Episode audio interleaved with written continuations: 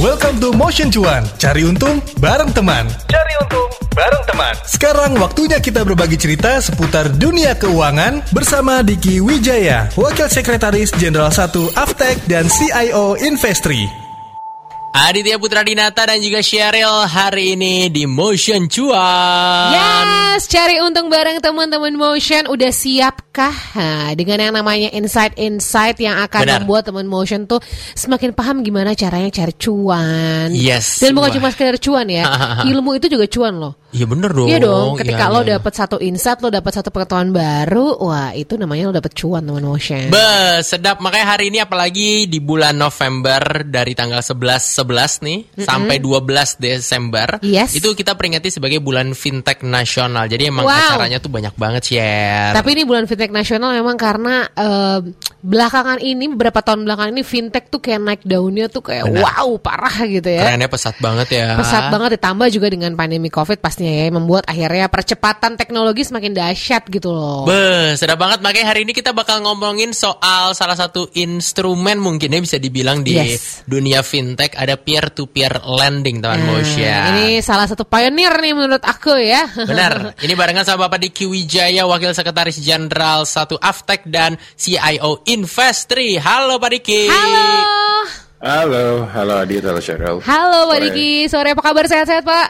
Sehat. Sehat Puji ya. Tuhan. Amin. Lagi di mana posisi Pak Diki? Wah, kebetulan WFA nih saya hari ini. Oh, Wah di lagi rumah. WFH. Nah ini kita mungkin langsung to the point gitu ya. Yes. Karena eh, bener-bener menarik banget kalau kita bahas mengenai peer to peer lending. Dulu aku dari yang nggak paham sampai akhirnya mencoba-mencoba untuk investasi di peer to peer lending gitu ya. Tapi buat teman motion yang masih awam, masih asing Hmm. dengan apa sih peer to peer lending itu. Nah mungkin bisa nggak sih dijelasin secara bahasa yang sederhana gitu ya so eh, bapak Diki. gitu ya, sama Pak Diki ya. Dan gimana sih sebenarnya cara kerja perusahaan fintech P2P itu gitu Pak Diki? Oke, eh, jadi mungkin kalau peer-to-peer lending itu sebenarnya kan namanya peer-to-peer ya. Yes. Kalau dahulu kita misalnya mau cari pinjaman, biasanya ke mana? Ke bank kan? Ya. Ya. Ke bank, mungkin multi finance dan yang lain. Nah, peer-to-peer ini sebenarnya fungsinya udah kayak apa ya? Tinder kali ya, Tinder tapi untuk orang yang Iya iya iya. uh, yang iya. nyari dana yang butuh pinjaman dengan orang yang mau memberikan pinjaman. Jadi sebenarnya yang kasih pinjaman tuh bukan perusahaannya. Gitu kalau peer to peer. Ya, perusahaannya itu hanya berfungsi sebagai platform. Kalau kita anggap kayak e-commerce lah. E-commerce itu kan memperkenalkan antara penjual dan pembeli.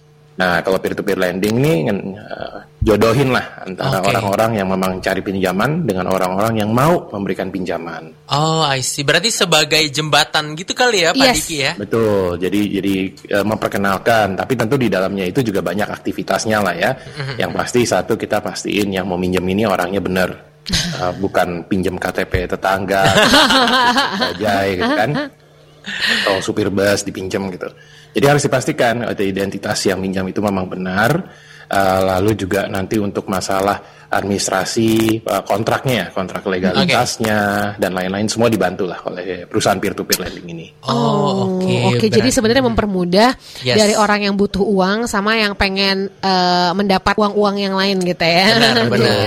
tapi, Wah, uh-uh, tapi ini- kalau ngomongin soal legal, dit, Iya ini dia makanya nih kan kita tahu lah Indonesia itu masyarakatnya sangat beragam dan mungkin bisa dibilang juga literasi keuangannya lagi dalam proses untuk meningkat ke depannya nih Pak Diki. Caranya ngebedain yang legal dan nggak legal atau ilegal tuh gimana sih untuk si peer to peer lending ini Pak Diki? Nah ya, jadi memang eh, ya kita tahu lah ya, kita sebut aja kan eh, beberapa waktu terakhir ini banyak yang terkenal pinjol ya. Yes. Pinjol-pinjol itu sebenarnya itu kasihan juga nih perusahaan peer-to-peer lending yang beneran malah eh, kena kena imbas dari Yes. perusahaan-perusahaan yang ilegal lah. Nah kalau untuk membedakan sebenarnya paling gampang satu kalau males gitu ya, eh, teman motion bisa pergi nih ke website checkfintech.id Tuh website itu sebenarnya udah disediakan oleh Aftek ya, Asosiasi Fintech Indonesia. Di situ kita ada nih semua daftar eh, pemain fintech yang legal. Jadi Oke. bisa ketik, bisa brand name-nya, bisa nama PT-nya, itu pasti muncul. Kalau memang dia legal, akan muncul informasinya. Nah, terus kedua kalau yang paling gampang, oh males ah, nah, yaudah. Ini kan tiap hari kalau pulang kantor mungkin buka Waze atau buka Google Maps lah ya. Yes. Nah, kalau cari di Google Maps nama perusahaan fintech legal, pasti akan muncul lokasi kantornya. Kenapa? Karena itu memang dipastikan oleh OJK bahwa kalau perusahaan fintech yang legal itu harus meng, apa, mencantumkan alamat kantor yang jelas dan Oke. bisa muncullah di Google Maps gitu.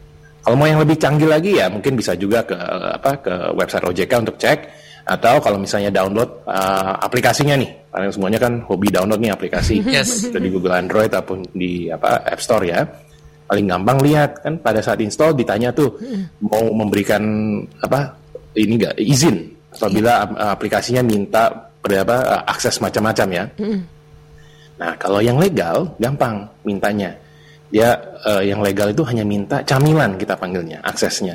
Apa camilan itu kamera, mikrofon, location Gitu. Jadi, hanya data ko- camilan. konteks nggak ada tuh ya Pak ya? Nggak ada. Jadi kalau dia minta nomor apa eh, address book, Ah, SMS, jangan. Itu mungkin aplikasi yang nggak tahu ya untuk apa gitu ya. Hmm. Tapi kalau yang legal hanya minta camilan, ya hobinya makan mungkin ya kita.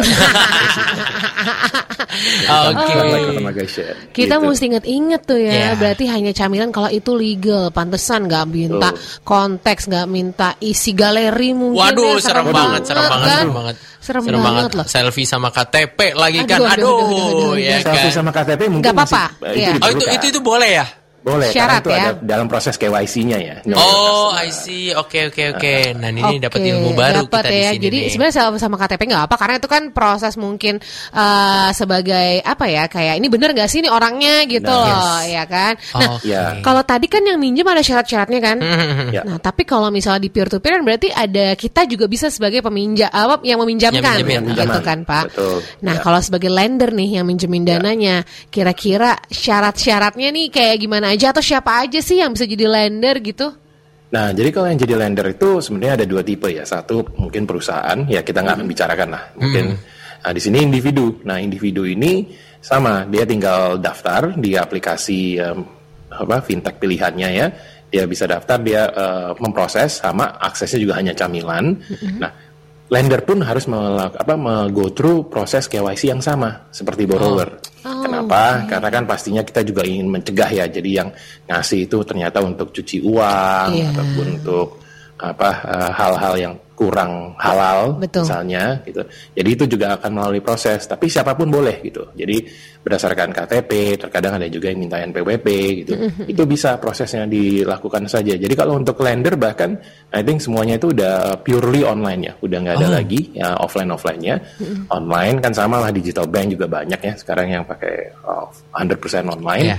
Mulai dari pendaftaran eh, lalu diverifikasi dan terakhir adalah eh, digital signingnya nih digital signingnya itu juga pasti bekerja sama dengan penyelenggara tanda tangan elektronik yang sudah eh, dapat izin lah dari Kominfo dan juga OJK. Oh, kemarin tuh minggu lalu kita sempat ngobrolin seputar Iya, tanda tangan tanda- digital juga, teman Oke, motion. Wow, Yes. oke. Tadi kita udah bahas kalau mau jadi lendernya, ya kan? Adit udah tertarik banget kayaknya. Wah, Iya, pengen nih. nih aku tebar dulu nih, aku tebar dulu. Atau tadi jadi borrowernya juga gitu ya, yang Nah. yang yang minjem duitnya nih teman motion. Tapi secara garis besar tuh gimana sih proses transaksi kali ya bisa dibilang atau proses uh, kita minjemin uangnya, dapetin uangnya butuh waktu berapa lama, syarat-syaratnya itu gimana Pak Diki? Oke, mungkin kalau dari yang pemberi pinjaman ya, yang ingin minjemin uangnya.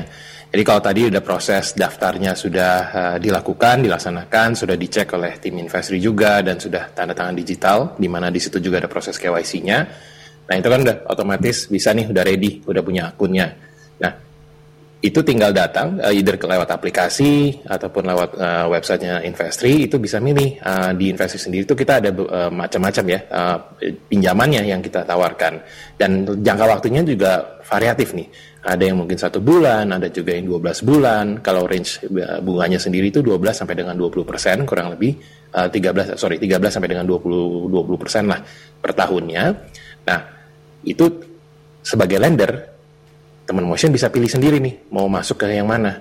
Jadi informasinya udah diberikan butuh pinjamannya berapa, lalu tingkat suku bunganya berapa, grade-nya berapa. Jadi kita kasih uh, penilaian juga ya, apakah ini uh, high risk atau low risk. Lalu biasanya kita kasih tahu ini pinjamannya ini basisnya apa? Apakah ini memang project yang sudah selesai lalu dia men- sudah submit invoice, tinggal apa tinggal tunggu pembayaran itu namanya invoice financing atau juga mungkin proyek yang sedang dikerjakan gitu. Jadi dijelaskan kliennya siapa. Jadi kita tidak memberitahukan pem, uh, peminjamnya siapa, tapi proyeknya ke mana di, diinformasikan. Hmm. Okay. Lalu juga track recordnya mereka, mereka sudah minjam berapa kali di Investri, apakah ya, uh, pembayaran lancarnya berapa, yang terlambatnya berapa, itu semua ditampilkan otomatis sebenarnya juga ini mendidik supaya uh, teman motion yang jadi lender pun bisa menjadi ibaratnya lebih melek finansial ya, bisa baca yeah. fact sheetnya dan memilih sesuai dengan risk appetite masing-masing. Karena kan ya semua orang kalau ditanya mau returnnya mana yang maunya yang paling besar. Gitu. Tapi kan semua ada ada ada resikonya ya, ada resiko sehingga masing-masing akan menemukan lah yang mana sih yang paling cocok untuk dirinya. Nah kalau sudah pilih dan pilihnya pun nggak usah 100% ya, jadi tinggal bilang mau berapa, minimal satu juta. Gitu kan. Oh, ini misalnya ada pinjaman, saya mau masuk, uh, saya mau ikutan partisipasi satu juta. Uh, sebelumnya nanti masing-masing lender itu akan diberikan namanya virtual account uh, numbernya. Okay. Nah, dia bisa transfer tuh uangnya ke sana satu juta, yang anggap aja. Lalu setelah uangnya diterima, dia bisa partisipasi di uh, memberikan pinjaman tersebut satu jutanya. Mm. Jadi very seamless, semuanya bisa kalau dibilang berapa hari ya begitu verified hari yang sama juga udah bisa gitu kan memberikan pinjaman. Hmm. Tapi memang ini kan namanya juga peer to peer ya. Kita namanya kan ditungguin dulu sampai akhirnya terkumpul semuanya misalnya ada pinjamannya nilainya 50 juta. Uh, setelah 50 juta yang terkumpul, lalu kita baru kita rilis ke si uh, peminjamnya gitu. Oh wow, jadi uh, sebenarnya akan aman juga ya gitu ya, yes. ya, karena semuanya serba transparan gitu kan. uh, terus juga, oh ini aku aku aku apa ya penasaran juga gitu ya. Kalau kan kita banyak teman-teman, kalau teman motion kebanyakan anak muda nih pak. Ya. ya kan kalau anak muda nih baru mulai usaha nih gitu kan. Ya. Itu bisa nggak sih melakukan proses pinjaman? Apakah okay. takutnya kan butuh uh, ya. apa gitu segala macam data-data yang, yang susah ya. gitu. Ya. Uh. Ya, jadi sebenarnya kalau untuk pinjaman memang, nah ini kita ngomong kalau perusahaan peer-to-peer lending kan banyak ya tipenya. Ada yang memang mengkhususkan diri di mungkin untuk uh, penjual pulsa, gitu. Ada mm-hmm. yang hanya mengkhususkan diri untuk uh, pinjaman untuk individu. Mm-hmm. Tapi kalau untuk yang usaha ini kita bilang namanya pinjaman produktif ya. Produktif ini pun variatifnya banyak sekali. Nah kalau mm. misalnya ada teman motion yang sudah punya misalnya gini punya uh, baru mulai bikin perusahaan agensi kecil-kecilan lah. Gitu. Yes. Nah, terus ada project misalnya kita kalau boleh sebut nama ya misalnya salah satu FMCG yang terbesar lah gitu. Yang depannya U, belakangnya R gitu atau yang PNG gitu kan. Nah, biasanya kan pada saat kita submit invoice ada waktu ya um, pembayaran ya administratif. Yes, yeah. Atau mungkin kita salah baca gitu. Kita bilang dibilangnya 20 hari dibayar, kita pikir 20 hari itu kan 20 hari, katanya 20 hari kerja. Itu artinya sebulan gitu kan. atau misalnya 40 hari kan bedanya lumayan ya yeah. apalagi kalau baru mulai gitu nah itu berdasarkan misalnya invoice yang sudah dikirimkan nah itu bisa tuh di apa mengajukan pinjaman ke hmm. platform seperti Investri gampang tinggal daftar sama seperti tadi prosesnya kalau udah usaha memang akan diminta lah ya semua dokumen perusahaannya ya apa aktanya biasalah semua dokumen-dokumen legalitas perusahaan yang pasti teman motion kalau udah bikin perusahaan pasti udah punya lah. Itu disubmit dan juga invoice-nya disubmit nanti dari tim investri akan menilai dan juga kita akan memverifikasi. Memverifikasi apakah invoice-nya ini memang benar dan lain-lain karena ujungnya kan kita harus memastikan ya proyeknya bukan proyek abal-abal. Yes. nah, kita harus memastikan invoice-nya ini real bukan berarti kalau kayak kalau nggak dicek kan semua bikin aja invoice bodong gitu. Bahaya kalau itu. Itu bahaya. Serem Ya, serem kalau yang itu. Jadi kita memang kita akan melakukan verifikasi untuk invoice. Setelah itu sudah dilakukan semuanya oke, okay, uh, kita akan mengirimkan yang namanya penawaran. Oh, Anda pinjamannya boleh nih dikasih sampai dengan berapa, nilainya, bunganya berapa. Terus kita juga berikan saran. Uh, biasanya kita lihat invoice-nya itu tanggal jatuh temponya tanggal berapa. Biasanya kita akan lebihkan sedikit lah ya karena yeah. di Indonesia mungkin kalau untuk invoice ya, jarang yang on time. Udah yang ngaret ya berarti ya. Uh, uh, ya. Kalau sulit ya. Jadi kita kasih grace periodnya lah, ekstra ekstra time lah. Kalau Piala Dunia aja ada ekstra time. ini nggak ada. Jadi memang kita kasih saran. Nah dari situ apabila yang mau minjam itu setuju, ya tinggal melakukan proses tanda tangannya. Tanda tangannya juga ada ada online-nya. Lalu kita masuk, kita masukkan uh, informasi pinjamannya ke uh, marketplace-nya kita. Nah, ketika informasi udah di marketplace, nah yang tadi proses pertama yang dijelaskan yang lender, nah mereka bisa milih, bisa ikut partisipasi. Oh, I Seperti see. itu. Berarti memang kerjanya dari uh, tim investor itu juga benar-benar end to end ya, Pak Diki ya. Yang artinya Benar. mungkin emang uh, apa ya mem- mem- memberikan kepercayaan untuk para lender dan juga memberikan kepercayaan untuk para si borrower juga gitu ya. Jadi emang supaya aman transaksinya dan legal Betul. juga gitu ya. Benar, jadi ba- memang kita harus memastikan lah ujungnya-ujungnya kan ini uang orang ya. Jadi Benar, kita benar, juga benar. harus memastikan informasi yang diberikan oleh borrower kita itu memang benar. Iya. Karena kalau tidak itu eh, resikonya tinggi kan. Gitu. Ah. Wow. Tapi aku penasaran dikit nih, kan kalau misalnya yang masih muda-muda kadang belum punya perusahaan secara legalitas ya. Oke. Ada freelance misalnya dia freelance saya butuh nih gitu dananya. Itu be- berarti bisa masuknya ke yang mana tuh, Pak? Nah, jadi sebenarnya ada juga eh, sekarang yang paling banyak mungkin influencer ya. Ah, Yes. bisa Ya. jadi.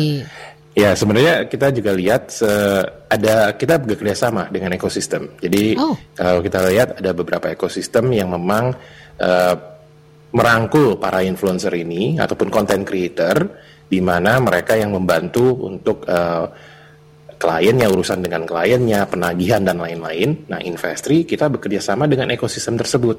Itu. Memang saat ini, saat ini ya, saat ini kita belum bisa langsung. Misalnya, oh ada teman motion yang mungkin content creator sudah ada project nih, apa minta untuk apa eh, ngomongin satu brand. Nah, itu kita saat ini belum bisa. Saat ini, siapa tahu nanti eh, tahun depan kita bisa kembangkan produk baru lah. Nah, tapi kalau apabila teman motionnya itu sudah eh, bergabung dengan salah satu ekosistem yang mendukung eh, industri content creator atau Iya. influencer ini, itu bisa Oh, melalui Investri. Karena kita udah ya. kerjasama sama ekosistemnya. Oh, I see, I see. oke. Karena kita butuh validasinya sih. Iya iya iya Benar, iya benar. Wah mungkin ke depannya akan lebih banyak ekosistem yang bekerja sama lagi sih menarik ya. Iya. Kita lihat tahun 2023 berarti di tempat motion ya kan. Oke, ini sebenarnya penasaran juga sih uh, Pak Diki gitu ya sebagai seorang pemin uh, yang minjam gitu ya, yang minjam uang di peer to peer lending katakanlah di Investri. Untuk konsumen sendiri tuh ada yang harus diperhatiin gak sih misalnya uh, tentang bunganya, udah gitu jangka bayarnya dan lain-lain supaya nggak kena yang lebih gede lagi, nggak kena bunga yang lebih gede lagi gitu. Ada nggak sih do and don'ts-nya Pak Diki? Iya. Ya, jadi kalau untuk borrower sih pastinya gini, em, bunga pinjamannya itu harus sedikit waras ya. Kalau yang pinjol-pinjol ilegal itu kan bunganya spektakuler tuh. Eh, itu bukan bunga pak, itu hutan. udah kebon ya Pak jatuhnya. Kebun dia pak taman. Bu- bunga bangke. Iya benar betul. Ya. Jadi kalau di yang di legal itu, kalau pinjaman yang konsumtif ya, kita lihat kan ah, balik lagi di peer to peer pun ada yang konsumtif, ada yang produ- produktif. Konsumtif itu biasanya pendek-pendek, sebulan, dua bulan, dan biasanya batasannya juga nggak besar-besar banget, 3 sampai dengan 5 juta. Itu individu bisa siapa pun ya. Ya. Mau bukan hanya untuk usaha lah, untuk mau beli saya nggak tahu deh mau beli apa pun juga bisa. Nah itu bunganya itu ada ada capnya, jadi kurang lebih eh, per harinya itu 0,4 sampai 0,5 persen. Oke. Itu di cap. Nah kalau yang yang ilegal itu mungkin pinjam sebulan itu mungkin bunganya bisa 40, 50, 60 persen. Wow. Bunga Nah itu aja 60%. udah jelas lah ya. Jadi memang terkadang mungkin teman motion pun kita jangan cuma melihat wah bunganya berapa nih. Misalnya pinjam 3 juta, oh bunganya wah tiga eh, kalau udah dibilang kembalinya 4 juta setengah ya, ya maklum lah ya itu kan artinya itu udah pasti ilegal tuh. Iya, Besar iya. sekali gitu kan. Betul. Kalau 3 juta yang real kan kalau yang eh, konsumtif mungkin pengembaliannya ya sekitar mungkin 3 juta 600, 3 juta 500 ya. Nah, kalau yang produktif malah lebih kecil lagi. Produktif kenapa? Karena memang diperuntukkan untuk orang-orang yang ingin eh, menggunakan uangnya untuk usaha. Jadi memang itu kalau misalnya setahun, kalau tiga 30 juta misalnya setahun itu mungkin maksimal cuman bayarnya jadi 3 juta 600 gitu. Jadi paling utama adalah besar bunganya. Bunganya yang Besar gitu. udah pasti. ya, yang Jadi biasanya diingat ya. kalau yang eh, ilegal-ilegal itu kan bunganya gede banget tapi minjemnya gampang syaratnya Gampang, gitu betul. kan. Coba ya temen dia minta semuanya aja gitu kan, address book, gallery, sampai semua habis diminta, gitu ya. kayaknya gitu Sering ya. Yes, banget betul. ya. Nah, tapi Iya. kan kalau peer to peer lending uh, dia uh, posisinya kayak di tengah gitu ya, menem- uh, Ya. mempertemukan yang butuh dan yang ada kelebihannya gitu kan. Tapi pertanyaan aku mungkin fi- dari uh, fintech apa P2P lending gitu, dapat keuntungannya dari mana tuh, Pak? Oke, jadi kalau di fintech P2P lending itu ketika kita apa ada orang yang ingin meminjam dan berhasil kita kum apa kita perkenalkan uh, untuk orang-orang yang memberikan pinjaman, ketika pinjamannya itu dicairkan ada semacam fee-nya ya, Oke. ada yang namanya Oke. marketplace fee. Nah, marketplace fee ini besarannya tentu masih tergantung dari masing-masing uh, platform. Gitu. Kalau di kita range-nya mungkin 2 sampai 5 persen. Nah, itulah revenue dari uh, platform peer-to-peer tersebut. Oh, Seperti itu. Jadi transparan jelas ya, Ya. semua biaya-biayanya ada gitu. Benar-benar Iya. benar. Nah, kalau misalnya Pak Diki ngelihat sekarang di apa ya masa-masa UMKM ini kan udah mulai bertebaran di mana-mana di Indonesia gitu ya. Seberapa besar peranan dari uh, fintech peer-to-peer lending untuk membantu UMKM? Kalau menurut Pak Diki sendiri gimana gambarannya? Pasti ini membantu lah. Dan kita ngomongnya UMKM-nya. Dari mulai dari yang kecil, apa mulai dari mikro, kecil, menengah sampai dengan bahkan ada beberapa yang besar pun masih cari pinjaman lewat peer-to-peer lending. Kenapa? Pastinya karena meminjam lewat peer-to-peer lending ini kan eh, sedikit lebih simple, Ya. satu, sedikit lebih cepat prosesnya. Ya, dibandingkan apabila mereka melakukan pinjaman ke perbankan. Jadi memang tetap ada uh, benefitnya lah untuk uh, mencari pinjaman dari peer to peer. Nah kalau kita tahu di Indonesia sendiri kan ada sekitar 65 juta ya uh, apa UMKM itu dan nggak semuanya bisa minjam di bank gitu loh. Kenapa ya? Karena memang persyaratan di bank itu lumayan banyak. Ya. Dan ini memang peer to peer P2P lending ini hadir untuk membantu celah tersebut. Gitu. Ada gapnya di mana ada orang yang memang uh, memiliki usaha, jujur ingin mem- apa, mengembangkan usahanya, tapi tidak punya aset misalnya untuk di, diagunkan. Nah ini bisa dibantu oleh peer to peer lending. gitu. Jadi kalau misalnya teman motion ada yang jadi lender, ya itu artinya juga ikut membantu ya. Ada beberapa kita uh, ada beberapa ekosistem yang kita bekerja sama ada yang untuk peternak ikan, ada juga untuk yang ibu-ibu uh, untuk apa me- memulai usaha kecil. Nah itu bisa dipilih. Jadi kan juga bisa milih nih. Eh, Seperti yang tadi saya apa sudah sempat mention, bisa milih mau ikutan pinjamin yang mana. Jadi nggak usah selalu nyari yang pinjaman yang misalnya, oh ini perusahaan besar. Nggak juga. Ada juga yang per- eh, yang kecil-kecil peternak ikan ataupun Iya. ibu-ibu. gitu. Jadi bisa bisa milih sendiri lah intinya. Nah, berarti sangat ya. sangat-sangat berguna apalagi Benar. untuk eh, pengusaha-pengusaha Benar. kecil seperti UMKM Iya. gitu ya. Yes. Ini kebetulan ada pertanyaan dari YouTube boleh izin dibacain gak nih ya? Boleh. Boleh ya. Ini mungkin tadi sebenarnya udah di spill juga, Ah. tapi karena pertanyaan dari teman motion yang di YouTube kita akan bacain lagi nih. Yes. Sore eh, Kak Diki, berapa kisaran bunga normal yang dibebankan ke borrower dan berapa return yang ditawarkan ke lender? Oke. Oke. Jadi kalau untuk peer to peer lending keba- eh, untuk yang ditawarkan itu sebenarnya bunganya tuh di pass through. Ya, jadi kalau yang di charge ke borrower 13 sampai dengan 20%, yang didapatkan oleh lender sama. Jadi kita tidak mengambil kalau yang apa bahasa kerennya spread interestnya ya. Ah. Jadi peer to peer tidak mengambil, terutama untuk yang retail lender, yang individu kita tidak mengambil spread lendernya di situ. Memang kalau ada biaya, ya itu ada biayanya lain, tapi bukan berarti berdasarkan dari bunganya, besaran bunganya. Seperti itu. Jadi Oke. kisarannya 13 sampai dengan 20 persen per annum. Kita penasaran nih Pak Diki ini kan adalah bulan fintech nasional gitu. So far uh, Pak Diki sebagai representatif dari Investory, dari Aftek dan yang lain, apa gebrakan yang udah dilakukan tentunya untuk masyarakat Indonesia, apalagi untuk teman motion yang lagi didengerin, yang lagi dengerin sekarang Pak? Oke, jadi kalau fintech industry sendiri ya tadi kan di awal Cheryl juga bilang ini kok kayaknya naik down banget ya. Eh, fintech asosiasi fintech sendiri itu kita berdiri ta- sekitar 6 7 tahun yang lalu. Waktu berdiri itu cuma 6 perusahaannya. Apa? Dua tangan cukup lah. Sekarang itu udah lebih dari 350. Jadi Wow. 350 gitu ya. Dan 350 ini member Aftek. Nah, selama bulan Fintech Nasional ini dari 11-11 sampai 12-12, kalau ada 13-13 juga kita terusin tuh sampai 13-13. Gas terus tuh ya. Gas terus, gaspol. Eh, itu semuanya ngadain eh, acara-acara, jadi edukasi. Eh, pastinya kenapa? Karena kan kita juga ingin meningkatkan ya, em, untuk supaya industri fintech, industri fintech memang naik daun, tapi kita juga butuh konsumen yang literate, konsumen yang pintar. Yes. Kenapa? Untuk mencegah tertipu, tertipu baik itu pinjam dari perusahaan yang ilegal ataupun investasi, kan kita sering dengar ya, investasi bodong lah atau pinjol yang eh, apa nagihnya kurang-kurang kurang baik lah. Betul. Kita perlu justru konsumen juga lebih lebih memahami caranya memilih perusahaan-perusahaan fintech yang benar.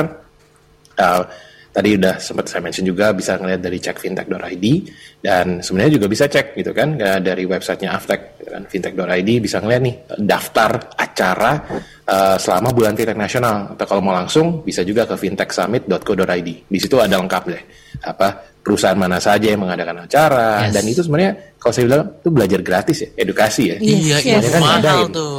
Eh, eh, edukasi gratis loh itu. Wah. Tadi saya baru ingat tadi kan ditanya kalau untuk yang teman motion yang mau apa belajar untuk bisa pinjam ataupun lagi berbisnis. Nah, kita ya promo dikit lah ya Investri juga ngadain nih Icon kita nanti minggu depan gitu. Nah, itu bisa dilihat lah di investri.id termasuk cara eh, nonton online-nya. Jadi dari situ dari event-event gratisan ini pasti dapat deh ilmu-ilmu baru. Ya, saya setuju banget Cheryl di awal bilang ilmu juga cuan loh. Iya, makanya. Iya, nggak benar. cuman uang, nggak cuman logam mulia ya. Tadi yang lagi ngitung logam mulianya untung katanya. Saya dengar. Jadi malu. Aduh, luar biasa loh. Iya iya benar-benar. Berarti tadi salah satunya tuh ikut kelas memper- memperkaya Yes. diri gitu ya dengan pengetahuan adalah salah satu cara untuk meningkatkan literasi keuangan gitu berarti kan ya Pak. Tapi kalau menurut Pak Diki sendiri literasi keuangan Indonesia ini masih sangat kurang atau udah cukup sih? Ya, jadi mungkin gini, kalau di Jakarta saya rasa udah cukup lah ya. Tapi challenge-nya kita kan Indonesia kan dari Luas. Sabang sampai Merauke banget. ya. Jaraknya tuh lumayan ya dari ujung ke ujung gitu. Seperlapan dari dunia loh kita Indonesia itu lebarnya. Nah, eh, mungkin di daerah yang memang lebih eh, sedikit eh, harus mengejar ketinggalannya. Ya. Kalau kita ngelihat indeks literasi ya di sekarang itu kan dari sekitar 60-70 persen, which is sudah lumayan, tapi tetap aja artinya tuh masih kalau kita kali dengan jumlah uh, penduduk Indonesia itu masih hampir 100 juta yang apa, nah ya 80 juta sampai 100 juta yang belum memiliki, yang belum melek. Oke. Nah ini jadi memang tugasnya ya semuanya kita rame-rame lah, pemain fintech, pemain perbankan, uh, asosiasi, semua tujuannya untuk mendidik supaya semua orang Indonesia lebih uh, melek literasi keuangan. Ah, I see. Iya benar sih. Jadi emang kita harus uh, berbondong-bondong rame-rame yuk sama-sama melek literasi keuangan yuk. Tapi kalau caranya uh, versi Pak Diki sendiri gimana untuk nambahin literasi keuangan? Siapa tahu bisa di-share ke teman motion diterapin juga nih Pak. Tuh, kalau saya bilang sih, kalau mau belajar tuh ya, nggak ada alasan, wah susah ya, nggak ada informasinya. Paling gampang ke apa search engine ter apa Google juga udah pasti banyak kasih. Iya. Kedua YouTube deh, paling gampang kan semua orang suka banget nih nonton YouTube. Ya itu bisa. Atau yang paling yang paling pamungkas ya dengerin motion cuan lah, masa Wih, belajar. itu gitu. kata-kata yang kita tunggu loh Pak. Iya. harus dong, biar biar biar makin melek gitu kan. Yes, yes, yes. Sebenarnya karena emang banyak banget info yang udah bisa kita dapetin, tinggal kita tinggal uh, nyaringnya aja ya, Pak ya, biar supaya nggak kena yang salah. Wow, Betul. senang banget hari ini ngobrol sama Pak Diki ya, Syar ya. Yes, benar banget teman motion ya. Jangan lupa juga sekali lagi ini adalah bulan fintech nasional. Yes. Jadi pengen tahu lebih lanjut soal layanan fintech gitu kan. Boleh di follow loh. Benar. Instagramnya loh tadi tuh ada at fintech ID ya. Fintech T E C H I D teman motion. Dan juga ada Facebooknya, ada YouTube-nya, ada LinkedIn-nya yaitu Asosiasi Fintech Indonesia dan juga dikunjungi juga www.fintechsummit.co.id. Ini gratis. Benar, wow, senang banget hari ini. Thank you so much, Pak Diki. Sehat selalu dan tetap menginspirasi, nambahin literasi keuangan untuk masyarakat Indonesia juga. Amin ya, Pak ya. Amin. Amin. Adit Sheryl. Yes, itu dulu teman Motion ngobrol hari ini Adita sama Sheryl di Motion Cuan barengan sama Pak Diki Wijaya, Wakil Sekretaris Jenderal 1 Aftek dan CIO Investri. Itu dia Motion Cuan, cari untung bareng teman di minggu ini. Bersama Diki Wijaya, Wakil Sekretaris Jenderal 1 Aftek dan CIO Investri. Tungguin obrolan seru lainnya di Motion Cuan, cari untung bareng teman. Sampai ketemu di episode minggu depan.